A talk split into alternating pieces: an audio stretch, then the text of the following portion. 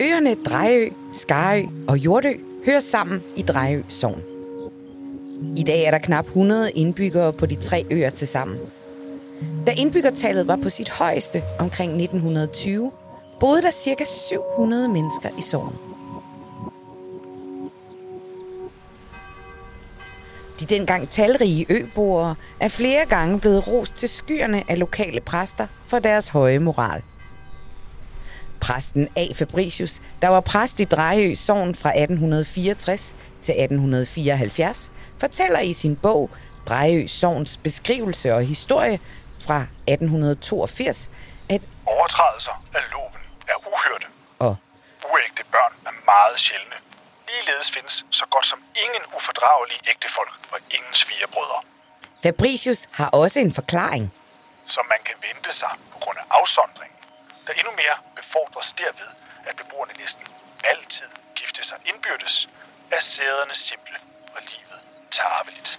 Uægte børn var på Fabricius' tid et angreb på samfundsordenen. Lejermål, som uægteskabeligt samkvem hed juridisk, var strafbart frem til 1812 og illeset i lang tid derefter. Havde Fabricius ret? Holdt øboerne sig mere i skinnet end andre steder? Det viser sig, at Fabricius havde fat i noget. Der er nemlig ganske langt imellem de såkaldte uægte børn, hvis man kigger i kirkebøgerne. I perioden 1700 til 1731 fødtes eksempelvis 316 børn i Drejø Sogn, heraf kun syv uden for ægteskab. Der gik ofte flere år mellem sagerne. 1724 må derfor have været et forfærdeligt år for Drejø-præsten, for der kom der hele fire uægte børn til verden. Heraf to, der muligvis havde samme far, nemlig en karl ved navn Anders Rasmussen. Nogle af de dåbsceremonier, der blev afholdt for de uægte børn, må have fremkaldt en summen af viskende stemmer i kirken.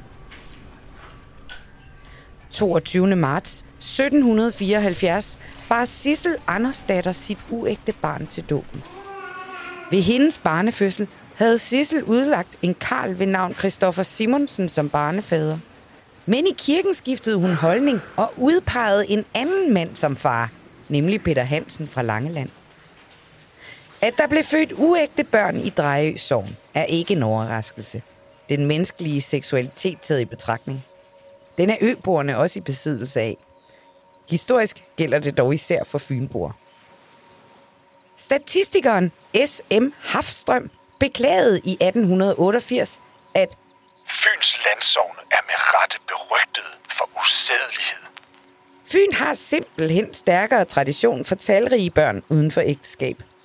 De fynske piger sagde som bekendt, at Natten er vor egen. i perioden 1843 til 1847 var det hårdest ramte sted på Fyn landsbyen Gudme i Svendborg Amt, hvor godt hver femte af alle fødsler var uden for ægteskab. I samme periode var det kun hver 20. af børnene på Drejø, der var født uden for ægteskab. Så Fabricius kendte sine sovnebørn ganske godt. En af grundene til, at øboerne gennem århundreder fik færre børn uden for ægteskab, er nok øernes lidenhed. På øerne holdt man øje med hinanden, og især med øboerne i den fødedygtige alder.